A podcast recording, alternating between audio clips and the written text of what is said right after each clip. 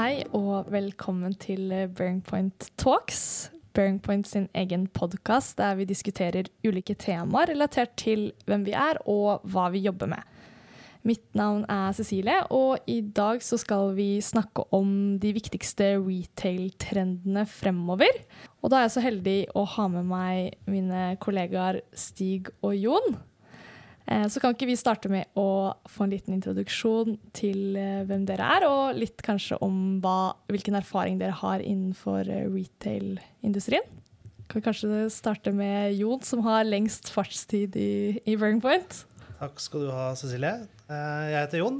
Jeg har vært i Point siden 2006, så jeg er en av de gamle traverne her i selskapet. Jeg er eh, ansvarlig for det området som eh, omhandler retail i Norge. Eh, og har stort sett jobbet med retail og ulike selskaper i Norge som, som driver med det. Det er jo et vidt begrep, men jeg tenker vi kommer litt inn på mer hva det er for noe i løpet av denne samtalen. Yes, da var det meg. Jeg heter Stig. Jeg har jobba i Burning Point siden 2016. Så ti år eh, mindre enn deg, Jon. Men eh, ellers så sitter jeg og leder industriteamet for eh, CGR, eller Consumer Goods and Retail, som det heter. Supert. Eh, så vi skal jo da diskutere litt nærmere hva de viktigste trendene er i retail-bransjen. Og skal prate litt om hva vi eh, ser ut hos våre kunder, og hva som er både de globale trendene og litt mer hva som er trendene her i Norge. Så som eh, innenfor alle andre, andre, industrier i det siste, så kommer vi jo ikke utenom å snakke litt om eh, hva som har skjedd de siste årene under pandemien. Og her har vi jo sett at forbrukernes atferd har endret seg eh, mye pga. den situasjonen vi har vært i. Og alle kan vel kjenne seg igjen i at man eh, har handlet mer på nett fordi det ikke har vært åpne butikker. Så dette her er jo økt netthandel som en trend vi har sett eh, den siste tiden. Så det sp første spørsmålet er egentlig litt rundt hva er eh, Hvordan vil dette her eh, med økt netthandel være fremover? Ja, det er jo veldig spennende, egentlig. Og det, det, var vel litt av problematikken, tror jeg, når pandemien kom. For det var ingen som hadde vært borti dette her før i det hele tatt. Så mange mente nok eh, mye om det. Eh, så det er litt enklere nå når man ser tilbake og ser at det har vært en, en formidabel vekst innenfor enkelte deler da, av, av, retail. Eh, hvis du ser på kjøpesenteret i Norge, f.eks., har jo hatt eh, ganske så bra vekst, eh, nesten alle kjøpesentrene, tror jeg. Eh, selv om de har vært stengt i, i store perioder. Um, men eh, vi, vi, ser jo trender på at ja, Spesielt på dagligvare, kanskje, som er en av de kategoriene som har økt mest. Da. I USA så har de jo hatt nesten 60 vekst på, på, netthandel innenfor dagligvare eh, fra 2019 til 2021. Mm. Eh, og vi ser jo det i Norge også med, med Oda f.eks., som har jo hatt en formidabel vekst. Eh, og det er morsomt å se at, eh, at eh, en så stor utfordrer eh, til, til, de andre mer etablerte klarer å, å, få såpass god suksess da, i den perioden vi har vært igjennom. Definitivt. Og det er jo som du sier, eh, Cecilie, altså, eh, nå har man på en måte vært igjennom en sånn type eh, periode som kanskje er litt spesiell i forhold til den vanlige hverdagen. Og spørsmålet liksom, hvordan, hvordan vil det her være framover, er jo, er jo et, spørsmål mange stiller seg. I, jeg vet I fjor på, så snakka man liksom om at det, det her kom til å bli den, den, nye hverdagen. At all handel, eller mye av handelen kom til å flytte seg til nett. Eh, og at man tilegna seg nye vaner som kom til å sitte ved. Eh, og så ser man jo nå at eh, ja, det mye, mye dreier seg i den retningen. Men samtidig så er det liksom når, når, butikkene åpner igjen, så ser man at, det, at mye av handelen fortsatt skjer i vanlige fysiske butikker. Da. Men så selvfølgelig, det er jo igjen forskjell på hvordan det her eh, er der ute kontra her i Norge. Men i hvert fall en tanke som har slått meg, at det, eh, her vi går og snakker om på en måte det å ta tilbake hverdagen. Hvordan, hvordan vil det her bli i, i, Norge spesifikt? da? Jeg tror jeg, bare For å nevne et eksempel på det som jeg syns er litt interessant, det er at når pandemien kom, så var det jo flere aktører som var veldig gode. De var kjemperaske på å snu seg rundt. Og fra å gå fra klikk og hent, så, så var det jo det at du, du, kjøpte på nett, og så kom de og, og la varene ut i bilen din. Eh, så du hadde jo egentlig ingen kontakt med, med noen som var i butikk. Hvis du går og ser på eh, noen aktører i dag, så er det jo mye færre som, som, som kjører tungt med, med det som, som, argument. Da. Nå er det tilbake på klikk og hent igjen. Så eh, det syns jeg er ganske interessant å se, at, at man, man, nesten går tilbake på noen områder. Eh, jeg hadde trodd kanskje at de løsningene der var mer skulle komme for å bli. da. Og Det er veldig interessant det du trekker frem nå. Da. Det er jo det med de fysiske butikkene og hvordan man på en måte ser det samspillet da, både med netthandel og, og fysiske butikker. Så hvordan eh, vil man se for seg at de fysiske butikkene eh, Hvordan vil de eh, være i fremtiden? Altså Hvilken rolle vil de få fremover når flere handler på nett? Både når vi ser at eh, flere også handler fysisk, men hva slags rolle vil egentlig de butikkene få fremover?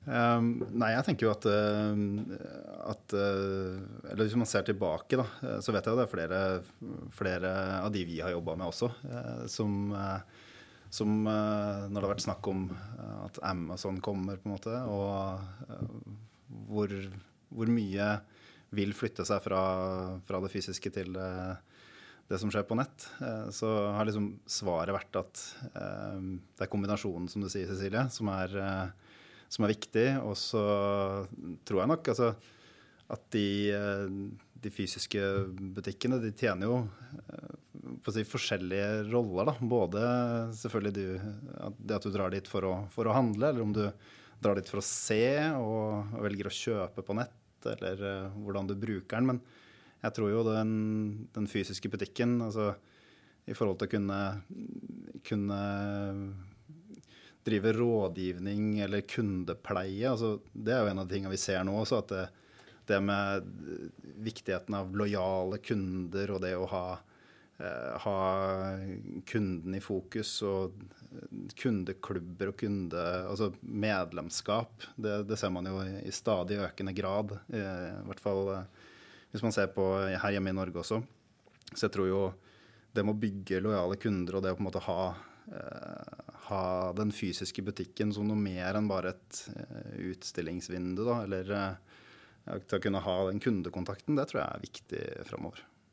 Jeg, jeg tror man, man, alltid snakket om at man, man har eh, Hva skal jeg si man, fysisk, man, er en fysisk retailer da, med um, en, en eh, e-commerce-løsning. Um, jeg tror man heller kommer til å liksom snu litt rundt på det og si at man er en, man er en netthandelsaktør som har fysiske butikker. Eh, liksom for å snu litt rundt på det. Jeg tror det er det som kanskje kommer til å bli mer trenden framover. At de, de, fysiske butikkene kommer til å være der, men de kommer nok til å fungere mer som en, en del av hele kundereisen. Eh, for å sørge for at man får eh, gode kundeopplevelser. Eh, og du ser på f.eks. Eh, Ice, Telekom-operatøren. De, eh, de, gikk jo og åpnet sine egne butikker faktisk rett før pandemien startet. Jeg tror ikke de butikkene de hadde på Strømmen og Sandvika Storsenter var oppe mange dager før, før, de ble tvunget til å stenge. Så det var jo ganske interessant å følge med på, på hvordan det kom til å gå. Men det har gått kjempebra. Eh, men det syns jeg er gode eksempler på hvordan, eh, hvordan, en aktør på en måte etablerer seg med fysiske butikker. Eh, nettopp for å på en måte gi kundene gode opplevelser. Da, og, mm. og liksom ja, tilby en ende-til-ende-løsning. Hvor du både kan handle på nett og liksom gå over i den fysiske verden, møte selgerne og ta og føle på produktene. Så det har fungert veldig bra. Da tror jeg også vi går over til å prate litt om eh, NRF, som eh, Eller NRF-konferansen, som er en retail-konferanse som holdes årlig. Og der har jo du nettopp eh, vært, Jon. Så kan ikke du bare fortelle litt først om hva er egentlig denne konferansen? Jo, det kan jeg gjøre.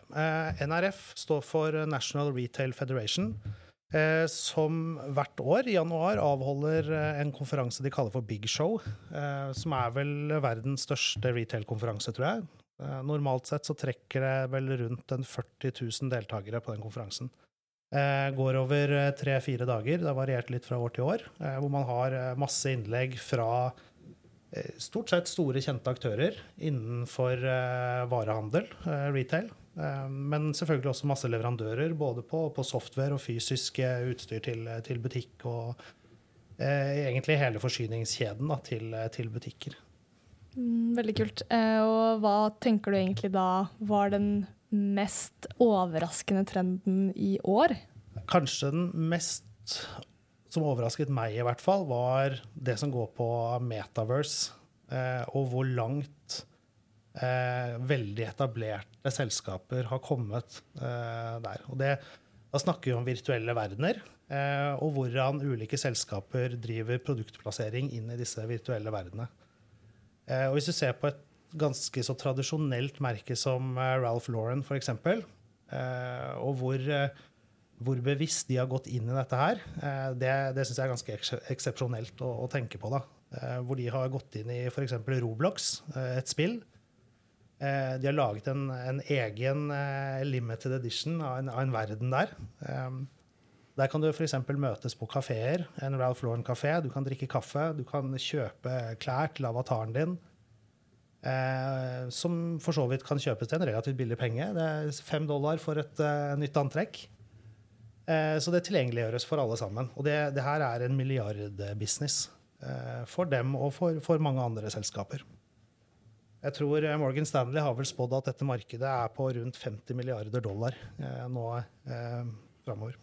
Jeg så at, at Facebook har vel investert 10 milliarder i 21 på, på Metaverse, og det spås vel at det skal, skal, ligge på rundt 800 milliarder i, innen 2024. Det er ganske heftige summer det er snakk om.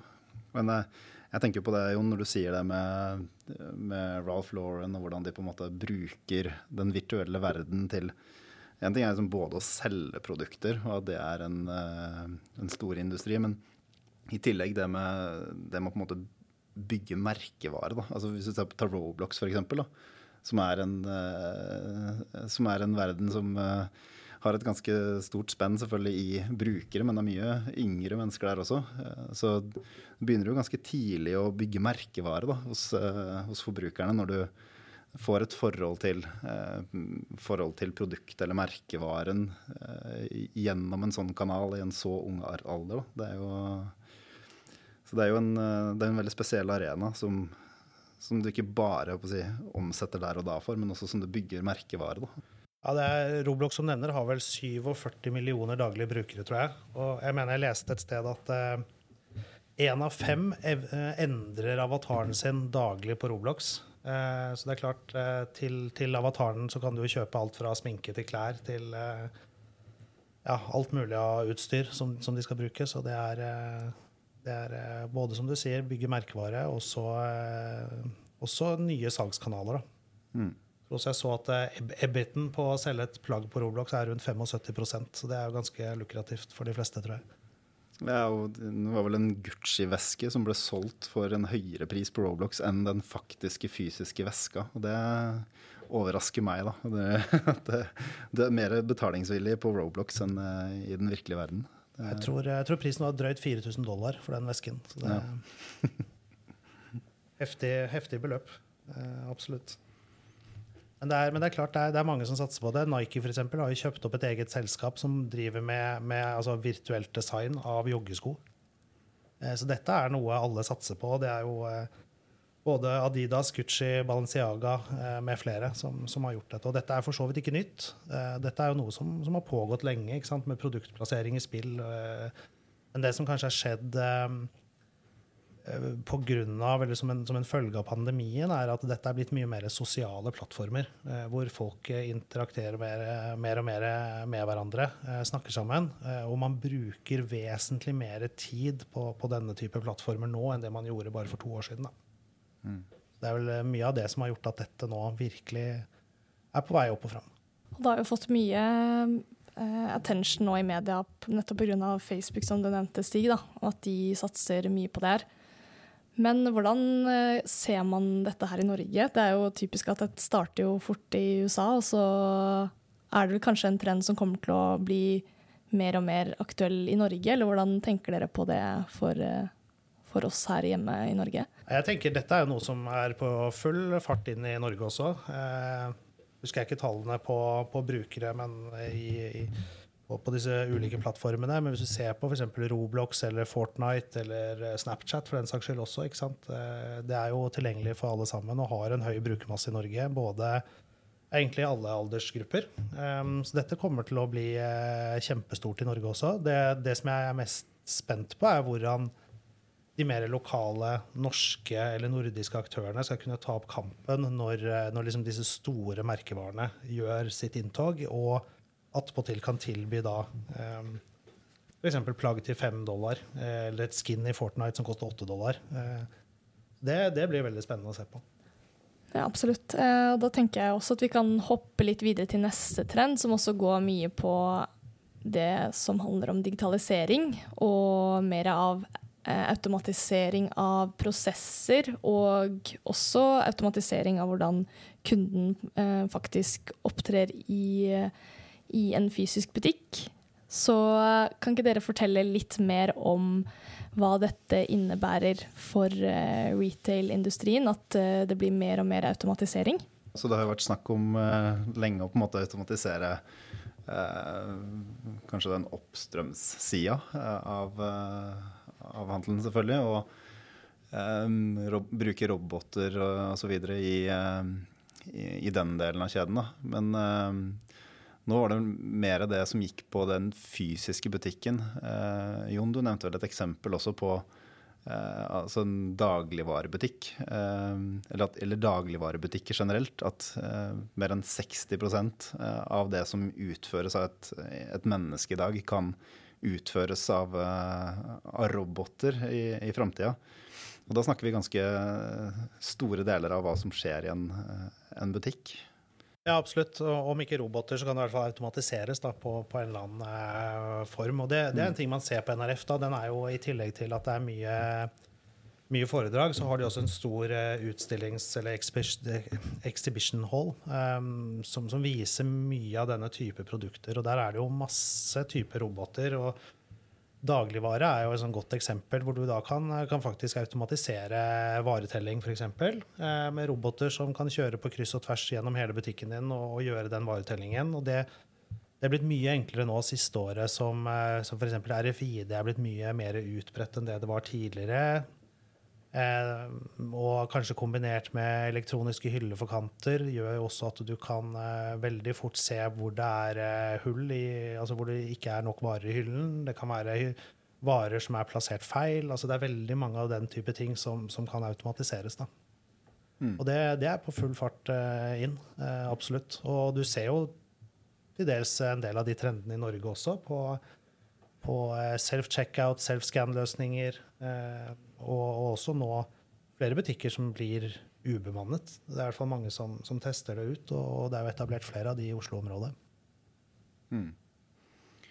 Absolutt, du nevnte jo det i stad, Jon. Altså her hjemme så er vi jo kanskje lenger framme på enkelte sånne områder enn det man er eh, f.eks. i USA, i forhold til hva som gjelder self-checkout og hvordan man betaler og gjør opp, f.eks. i en butikk eller en kafé eller hva det måtte være. Men det var vel en av de eksemplene som kom fra eh, NRF her nå også, med Starbucks og, og um, Amazon, som, uh, hvor du kan, hvor du kan uh, ved hjelp av bruk av kamerateknologi kan måtte, gjenkjenne, gjenkjenne kunder, og du kan uh, betale uten å møte en, en fysisk person i, i, butikken. Når du kommer, du bestiller kaffen din, så kan du bare komme og hente den ved disken og gjøre opp på vei ut med mobilen. Ja, det så vi jo for så vidt rundt i New York også. Det er masse, kall det hull i veggen, hvor, det, hvor, du egentlig bare henter kaffen din. Eh, det er bare en, et, et, lite vindu hvor du bare har bestilt alt på forhånd og får den. Ikke noe mer enn det. Ja. Så, men jeg, jeg, vil jo legge til, siden vi har snakket litt om NRF og USA, så vil jeg jo tro at eh, det er ganske interessant å se mot Asia, og kanskje spesielt Kina. Eh, der skjer det også ekstremt mye. Eh, de har jo eh, Eh, litt andre forhold når det gjelder eh, privacy og, og, en del type ting som, som, ikke de behøver å ta like mye hensyn til der borte. Um, så kan man selvfølgelig mene mye om det, men men det gjør noe med den teknologiske utviklingen. Eh, spesielt på disse self-checkout-butikkene, eh, og også på, på, droner. Der har jeg jo sett hvor man gjør f.eks. varetelling med droner inne på store lagre. Det er ganske, ganske mye interessant som skjer der. Nå har vi jo vært inne om mange digitale trender, og tenker også at det er interessant en interessant trend nå i det siste hvor vi har vært mer eh, inne på forbrukersiden og er mer bevisste på akkurat hvilke valg vi gjør eh, når vi kjøper eh, varer. Så hvis vi tenker litt på det bærekraftperspektivet her, så hva er egentlig, eller hvordan vil bærekraft påvirke retail-aktørene fremover? Hva er på en måte de viktigste tingene som de eh, står overfor eh, fremover? Det, det, var en ting som overrasket meg veldig på, på, spesielt NRF i år, hvor mye mindre fokus det var på bærekraft enn det det var for eksempel for to år siden, hvor jeg vil si at liksom Recommerce var jo den store trenden som alle trakk fram. Um, og dette har jo vært hodepinen egentlig til eh, veldig mange e-commerce-aktører. Fordi du på den ene siden har kanskje tilbudt eh, fri frakt og, og, kanskje fri retur, som har resultert i at mange bestiller jo eh, klær i masse ulike størrelser, eller sko i ulike størrelser, for å da egentlig bruke hjemmet som, som prøverom, da, og så sender de jo bare alt i retur. Eh, der er det ganske mange aktører som eh, bruker mye data, f.eks. For, eksempel, eh, for å gjøre prediksjoner, spesielt basert på tidligere kjøp. Så det tar jo litt tid før, før de klarer å lære seg dette her. Eh, og, og, og, på en måte gi bedre anbefalinger til deg som forbruker når du handler. da, Og, og prøver å styre atferden din i større grad. Men, eh, men jeg, vil jo si at det er, det er fortsatt eh, en, en, stor hodepine for bransjen, og kanskje spesielt innenfor klesindustrien, som vi vet er jo en, kall det en versting innenfor en del miljøaspekter. Men der er det noen aktører, også i Norge, som, som etablerer noen ganske interessante løsninger. Eh, blant annet eh, så er det en aktør som prøver å etablere et felles retursenter. Prøver å inngå avtaler med de store netthandelsaktørene. Hvor man da f.eks. hvis man bestiller noe fra andre land i Europa, så har man et retursenter her i Norge man kan selge, sende varene tilbake til. Som da håndterer alt sammen og selger det ut på sin egen plattform igjen. Og da slipper du i hvert fall å transportere varene fra Norge og helt tilbake til opprinnelseslandet, men, men du kan selge det lokalt. Da. Det, det, er en spennende tankegang da, som, som, blir morsomt å se hvordan det, det, kommer til å bli. Absolutt. Og så tror jeg nok eh, samtidig altså den, Hvis du tenker på den der, um, bærekraftsdelen av det, så tror jeg nok um, Selv om det var et større tema kanskje i fjor enn i år, så, så tror jeg nok, altså, hvis du ser på forbrukerne, at uh, bærekraft og den grønne delen er mer i on top of mind når man gjør valg. Da. Ehm, jeg har sett eh, undersøkelser hvor, hvor konsumenter svarer at de er villige til å vente lengre på en vare eller betale en høyere fraktpris f.eks. For, for å få den levert på en mer bærekraftig måte. Eh, og hvis du ser på, ser på um, netthandelsaktører i dag også, så eh, inne på spesifikasjoner på produkter, så, så ser du også at det er noe som heter fotavtrykk, eller eh, ja, som, som, sier noe om den uh, bærekraftsdelen uh, knytta til et produkt. Så jeg tror nok at, at forbrukerne er absolutt mye mer opptatt av det. så å stille kanskje større krav da, til, til både produsenter og forhandlere i forhold til det med bærekraft. Jeg tror det, det tror jeg liksom forbrukermakten eh, kan, kan, være med å gjøre en forskjell. Og, men vi ser jo også det er en del aktører som, som tar veldig bra ansvar. Hvis du ser på Patagonia f.eks., eller REI, i ja, spesielt i USA, da, som, som, stengte jo alle butikkene sine på Black Friday og sa at mm. liksom, dette er, ønsker vi ikke å være med på. Og, og, det tenker jeg blir veldig spennende å se på i Norge, eh, spesielt til neste år. Og det, det, har jo vært litt debattert. Hva, hva kommer til å skje med Black Friday fremover? Fordi det som var Black Friday, eh, har jo egentlig blitt til en Black Week istedenfor. Um, og så så man vel, spesielt under pandemien, da, hvor man ikke kunne ha så mye folk inn i butikkene, at man måtte gjøre det på litt andre måter. Så så det er nok noen som, som stiller spørsmålstegn om dette her er, er bærekraftig over tid. Um, så, så, jeg er veldig spent på å se hva som da skjer Black Friday 2022. Uh, om, om, det kommer til å fortsette som før og er tilbake, eller om det, eller om det kommer til å dø ut. Mm. Ja, Det var interessant det du sa, Stig, med at vi som forbrukere er mer bevisst på eh, når vi kjøper ting. Eh, men da krever det vel kanskje også mer av aktørene når du snakker om at vi skal få et bevis på hvor mye klimatrykk eller hva, hvor bærekraftig den varen vi kjøper er. Eh, setter ikke det også litt større krav til at aktørene faktisk må ha mer kontroll på hele verdikjeden og faktisk bruke mer ressurser da, på å gi kunden det de faktisk vil ha? Absolutt. Det stiller jo ganske store krav. og det å på en måte eh, tracke eh, miljøaspektet av, altså fra en vare eh, produseres til den når sluttkunden. Eh, det er ganske mange, ganske mange, elementer der som har med miljø å gjøre. Eh, så selvfølgelig det å ha kontroll på sånne ting som, eh, som produsent eller forhandler, det er jo, det er jo viktig. Og det, det, føler jeg også vises da gjennom det at du har en egen spesifikasjon på et produkt som heter fotavtrykk. Så man ser på også f.eks. Eh, jeg vet at det brukes sånn i valg av leverandører òg. Altså sånne scorecards hvor du, hvor du, velger leverandør basert på eh, type metrics som har med bærekraft å gjøre. Eh, så, så absolutt. Det, det, krever ganske mye kontroll på hele verdikjeden for å kunne si, si noe om fotavtrykket til et produkt. Da. Som sagt fra, det, fra, fra vugge til grav, holdt jeg på å si. Mm.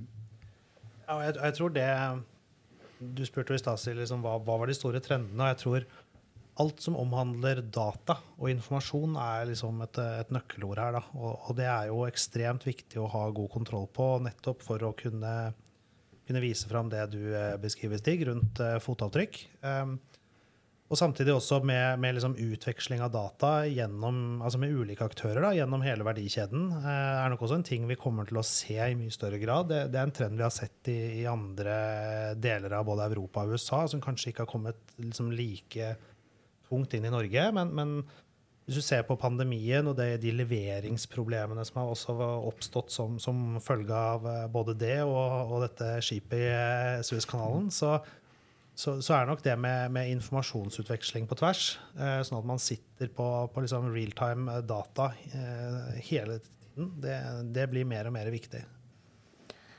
Veldig bra. Ja, det er masse spennende å se frem til eh, nå i året, årene som kommer. Så vi kommer også til å gå litt dypere inn eh, hver av eh, disse trendene i andre kanaler fremover også, så det er bare å følge med på andre kanaler eh, som Bearing Point har eh, om det som går på retail-trender fremover. Så er det egentlig bare å si tusen takk til eh, Stig og Jon for veldig mange gode refleksjoner og tanker. Tusen takk, Cecilie. Tusen takk skal du ha, Cecilie.